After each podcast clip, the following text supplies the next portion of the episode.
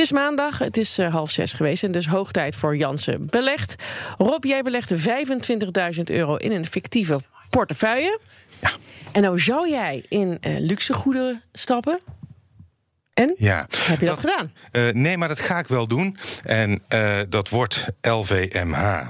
Heeft onlangs een uh, bod gebracht, uitgebracht op de Amerikaanse juweliersketen Tiffany's. Hier ook besproken. Ehm, die heeft het de laatste jaren best moeilijk gehad. Dus dat moet flink op de schop.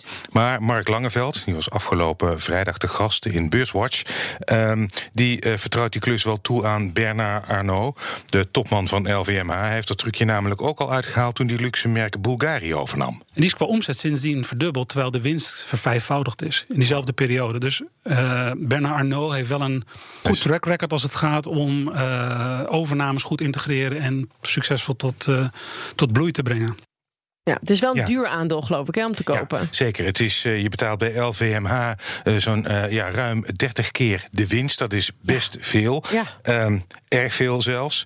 Um, het is dus wel belangrijk dat de winsten verder stijgen. Want die winststijging uh, voor het concern als geheel is achtergebleven bij de koersstijging van de afgelopen jaren.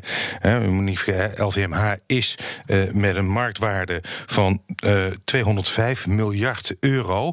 bijna net zo groot als Shell in marktwaarde. Ja. Dus wel heel duur, maar ik, ik geloof wel. Jij gelooft in groei. Maar waar, waar ik, zit die groei dan voor nou, LVMH? Precies, waar, waar is dat optimisme dan op gebaseerd? Nou, dat is gebaseerd op Azië. Hè? Ook al heeft bijvoorbeeld Tiffany's het daar uh, lastig gehad, uh, daar zal het toch vandaan moeten komen. Daar zie je dat de middenklasse nog steeds groeit. En ze zijn daar ook dol op. Die luxe goederen, hè, de tassen van Louis Vuitton, mm -hmm. spulletjes van Dior, die vinden daar gretige aftrek. Dus ik denk wel dat dat nog mogelijk is met ja. LVMH.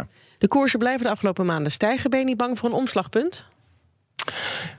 Nee, nee, niet op hele korte termijn. Je weet natuurlijk nooit of en wanneer er een uh, correctie komt. Ik kijk daarbij graag naar allerlei graadmeters. ING heeft een beleggersbarometer. Corné van Zijl, uh, bij ons wel bekend, die peilt het onder, onder professionele beleggers de stemming maandelijks. En ook maandelijks doet Bink dat. Hun barometer komt aanstaande zaterdag uit. Nou, ING die ziet het optimisme onder particuliere beleggers toenemen.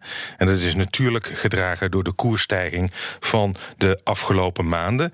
En uh, Corné van Zijl, die polst de professionals. En ook mm -hmm. daar is het optimisme weer helemaal terug. Uh, zij denken dat de koersen in december per saldo zullen stijgen. Maar Corné vraagt ze ook naar de langere termijn. En voor de komende zes maanden zijn ze juist weer somberder geworden. Hoe oh, kan ja. het nou? Omdat ja, de verkiezingsstrijd in Amerika zal natuurlijk uh, in hevigheid toenemen. Dat is de grote onzekere Mhm. mm -hmm. factor. En wat als ze gaan dalen? Wat ga jij dan doen? Um, nou, ik heb nog negen.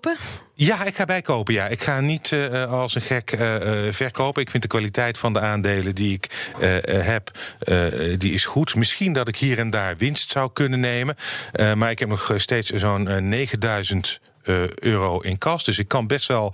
Uh, je hebt nog wat om mee te spelen. Ik heb nog wat om mee te spelen. Winst nemen zou kunnen, zou ik over moeten nadenken. Maar. Waar, sta, waar staat je percentage? Met stijging je, je bedoel had een plus, hè? Ja, ik sta ja. nog steeds in de plus. Maar hè, vanochtend uh, zo'n 8,5 procent na het slot van de beurs van, van de AEX op 7,1 procent. Nog altijd mooi. Maar ook ik voel de, de, de, de, het negatieve sentiment van de dag. Rob, dankjewel.